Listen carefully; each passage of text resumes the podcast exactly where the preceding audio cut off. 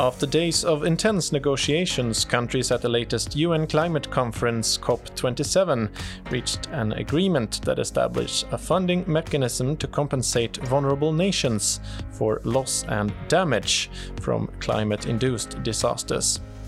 And here to talk about uh, loss and damage and this year's uh, COP are Stephen Woroniecki and Malaika Michelson who both do research on this very subject at the Department of Thematic Studies here at Linköping University. Welcome.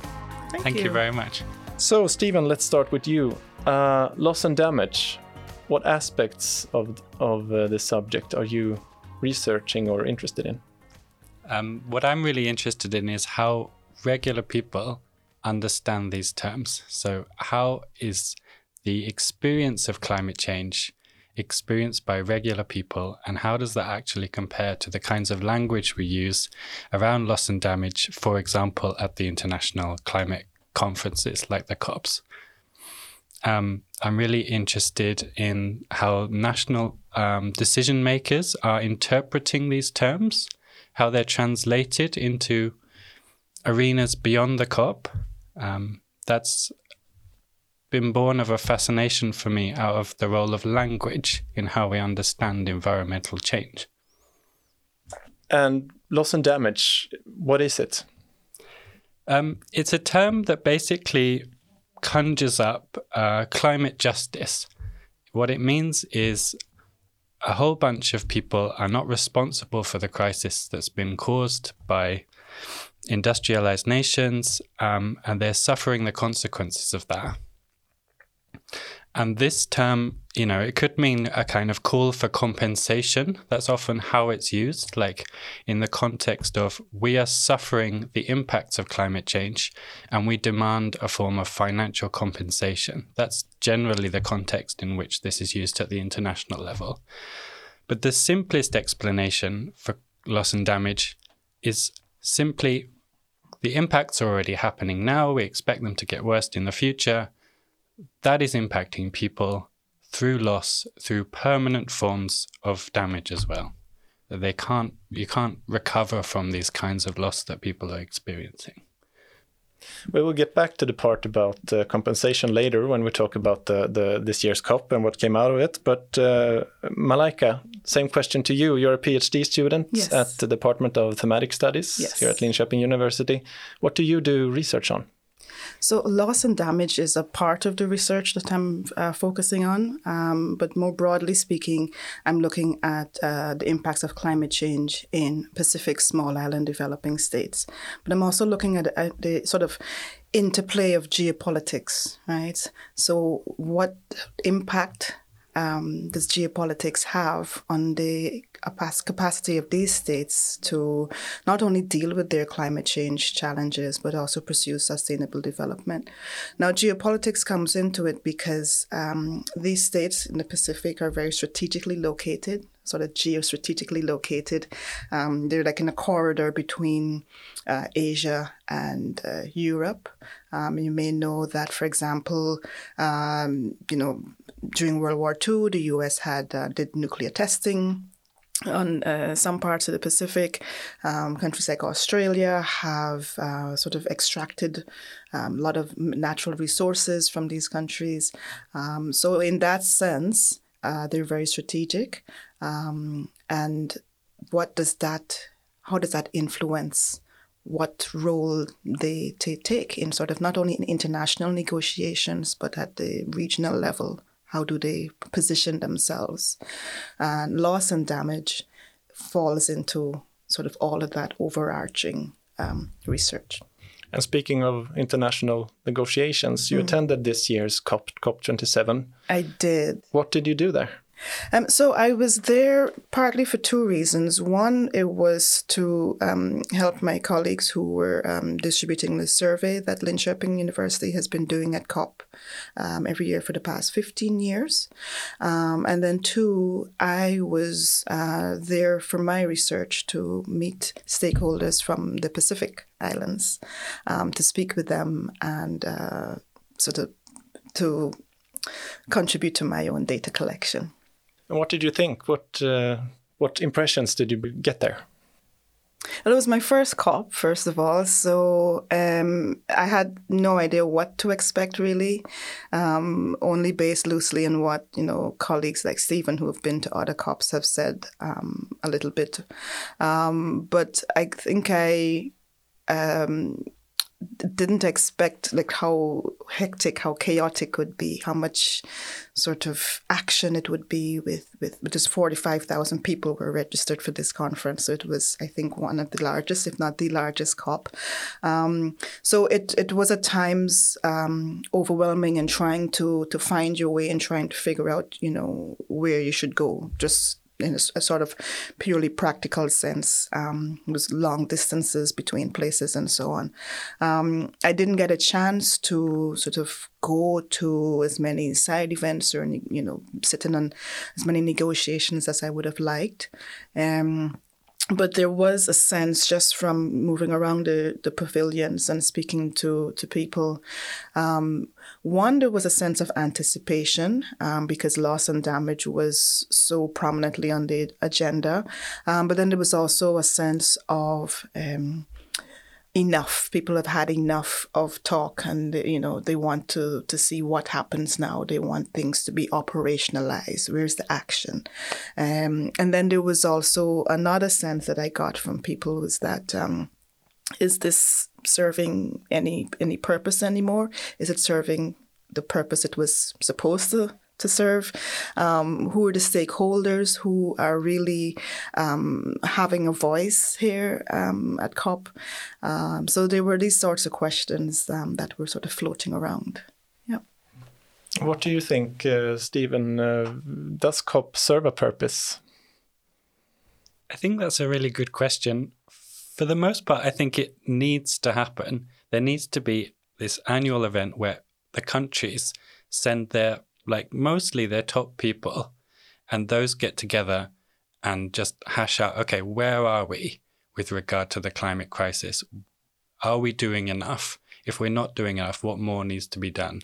How do we need to deal with the finance kind of side of things? How do we need to deal with mitigation, i.e., stopping the problem at the cause? How do we need to deal with adaptation, like how we deal with the risk, um, impacts and the potential impacts, and then more and more this focus on loss and damage, which has been just forced onto the agenda. And and speaking of that, loss and damage was a main theme at this year's COP, as you've both said. Why now? I think maybe it's um, a perfect storm, if you like, um, because uh, small island developing states, developing countries have been talking about loss and damage for 30 years, really. Um, so they've always been been pushing it, um, haven't been able to get the sort of traction that they've gotten now. Um, but I think it's a combination of things that have been happening.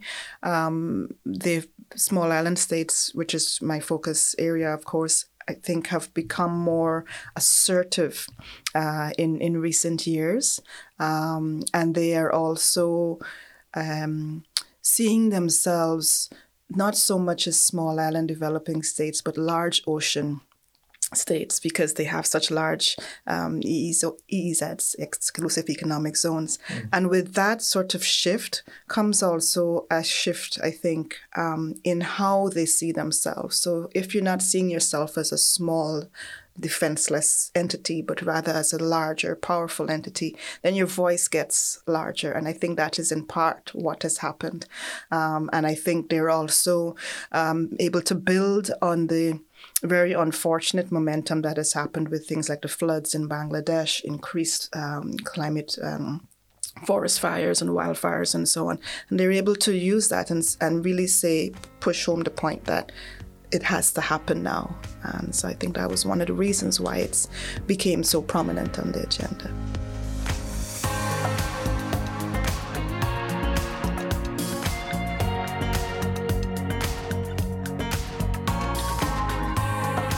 Stephen, you attended COP26. Um, with that in mind, what's your take on uh, COP27? Yeah, that's a really fascinating question. Like, there was this huge momentum going into COP26, right? Partly because it had been delayed because of the pandemic by a year. So there was this sense of this kind of build up of energy and enthusiasm and so on. So COP26 felt like this kind of, um, yeah, this moment where everyone got together after being apart for quite a long time and then got together and they made some quite important decisions at that uh, COP and yet they also kicked the can down the road with regard to loss and damage. There was this moment when I, um, you know, as I understood it, talking to various negotiators, loss and damage was really there. It was about to get implemented as it was discussed in these smaller negotiation spaces. And then it was quite late into the process that the larger countries basically neutralized it. They converted it, this idea of a loss and damage finance facility into something called the Glasgow Dialogues on Loss and Damage. So basically, they took all the, the weight out of the decisions of uh, from Glasgow. And so it was always going to be the case that the next COP would just have a lot of expectation because, as Malaika described, this has just been building up, building up. So there is no way to take the kind of wind out of the sail now, right? So it's it, it's almost like those arguing against a finance facility are increasingly the kind of you know they've got much less um, negotiating space mm. to play with i would say and that i felt mm. contributed to this to this sense that something had to give way at this yeah call. yeah i agree with that yeah um, and also, like I said, I think that the, the um, developing countries uh, really worked together. They have been doing this, of course, you know, alliance building and um, for, for many years. But this year, for some reason, um, it felt as if it was a much more powerful sort of um, sentiment, um, you know, a, a much stronger um, uh, sentiment that they were working with. Um, and they were not willing to sort of just lie down and take whatever you know had been coming their way. Um, and they were very strong this year was the sense that i got in sort of like i said pushing back you know. Um, for example the um, one of the ministers from antigua and barbuda which is a caribbean small island developing state he was very outright in saying that developing countries weren't playing clean weren't playing fair. Um, so they were calling them out on these these sort of tactics, these sort of delaying tactics, or you know, on the what they perceive as on the hand tactics. So, and they they got a lot of support around that. And there was uh, an agreement uh, reached finally uh, at COP27 uh, to establish a funding mechanism to compensate vulnerable nations for loss and damage. And um, the UN chief called this uh, this uh, a step towards justice. Um, do you agree? I think it it has to be seen in that light and this kind of longer term trend of of the negotiations being this arena for these huge power inequalities to be kind of somehow turned on their axis because of what the negotiating space offers. Every country has one vote, right?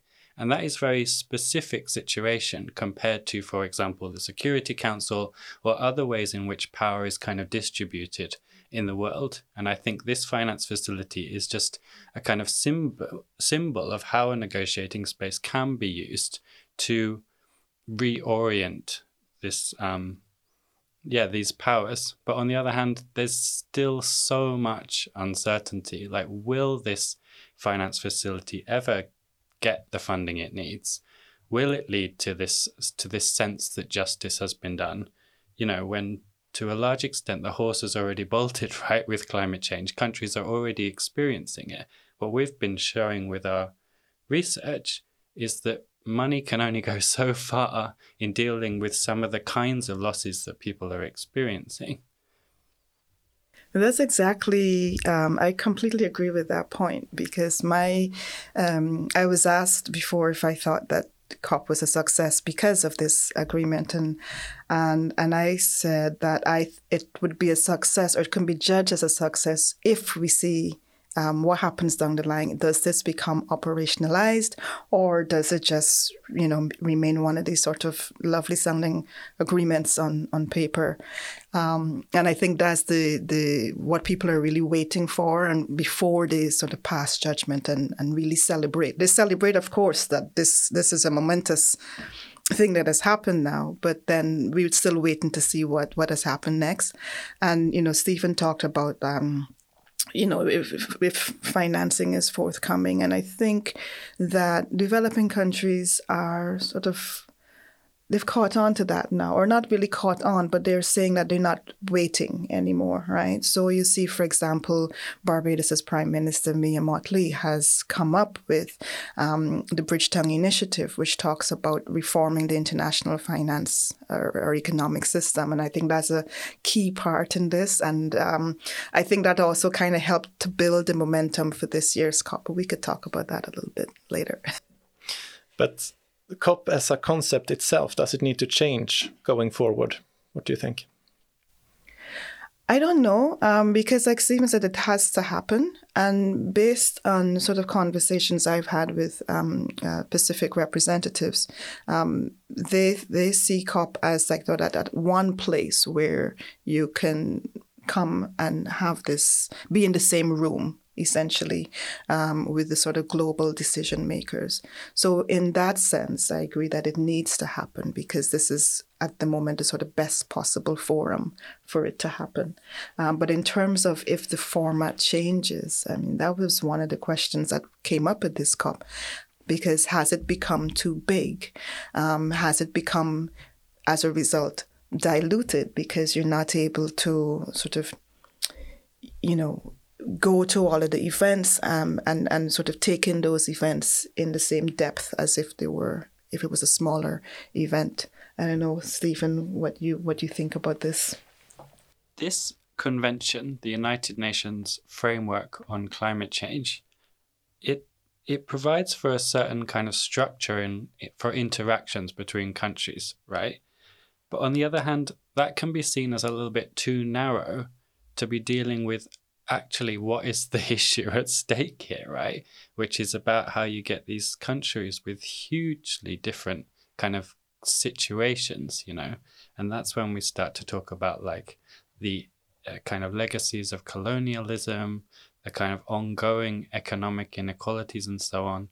Why you have countries that like will suffer an extreme event like a cyclone, for example, and then get themselves into massive debt, and then it they will not be able to recover by the time the next cyclone comes around. So they're kind of getting pushed back further and further back. And it's like, well, this convention, the United Nations Framework Convention on Climate Change, is it capable of addressing some of those kind of broader issues that climate change kind of represents, but it doesn't fully encapsulate?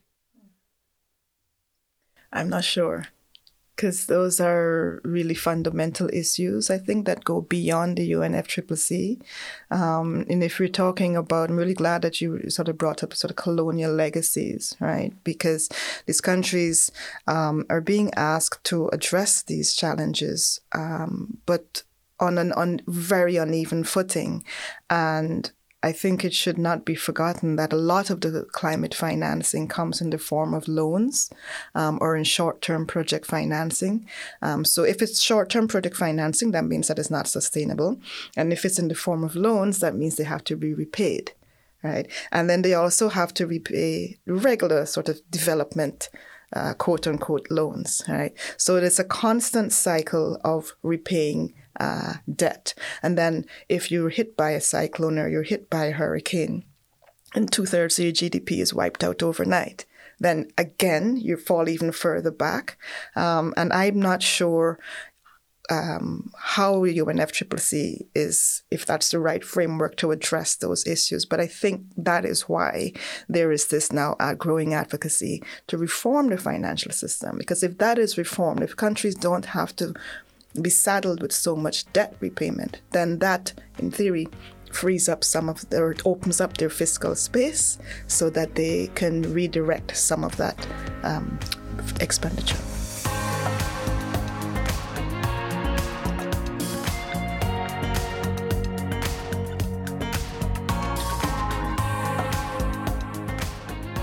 Now we actually, right now, we have another COP happening, right? But it's not connected to climate change, it's connected to biodiversity loss.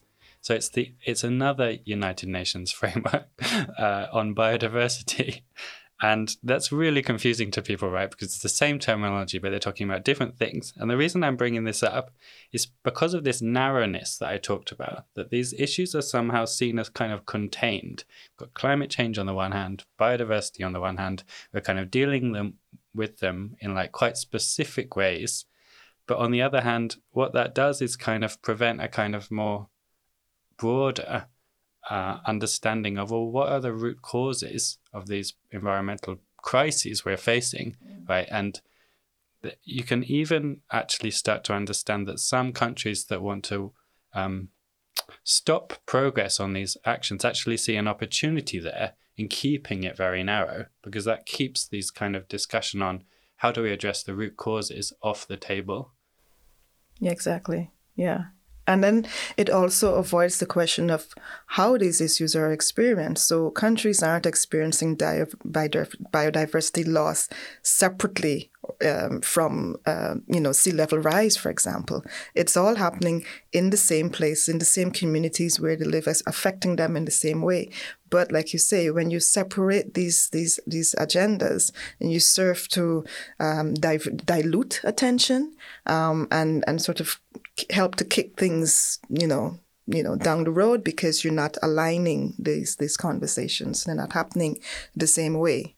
Yeah. Yeah, and we're almost uh, running out of time, but I just want to uh, end uh, this episode of Temapodden with the, uh, a question for you both. Um, it's it's easy to get um, to lose hope when you hear about climate change, biodiversity loss. Uh, it it all seems pretty dark, but is there hope? Would you say? Well, I, I think there is hope. Um, and I think you know, as as as researchers and or practitioners in this area, you have to have hope because otherwise, it, it yeah, you wouldn't get out of bed. Um, but I, the way I think of uh, hope is that I look at what's happening at the local level because if you look at the whole picture, it is very overwhelming, and you you don't know where to start. Um, but you know, when I was in, in, in Fiji and, and met people who working to you know plant mangrove um, plantations, for example, um, or people young young uh, groups in, in communities who've started sort of disaster preparedness uh, groups in the community where they go out in the community, um, do teaching, raise awareness about you know different uh, sustainable practices and so on. Um, when you see people um, protesting against uh, high-rise developments that are harmful to, to the environment, those are the sort of things that do give you hope and do show you that, yeah, people are doing things uh, within their means um, and the resources that are avail- available to them, even if it might feel that at a sort of more overarching global level that nothing much is happening. I think when you break it down, you do see those positive pockets of positivity.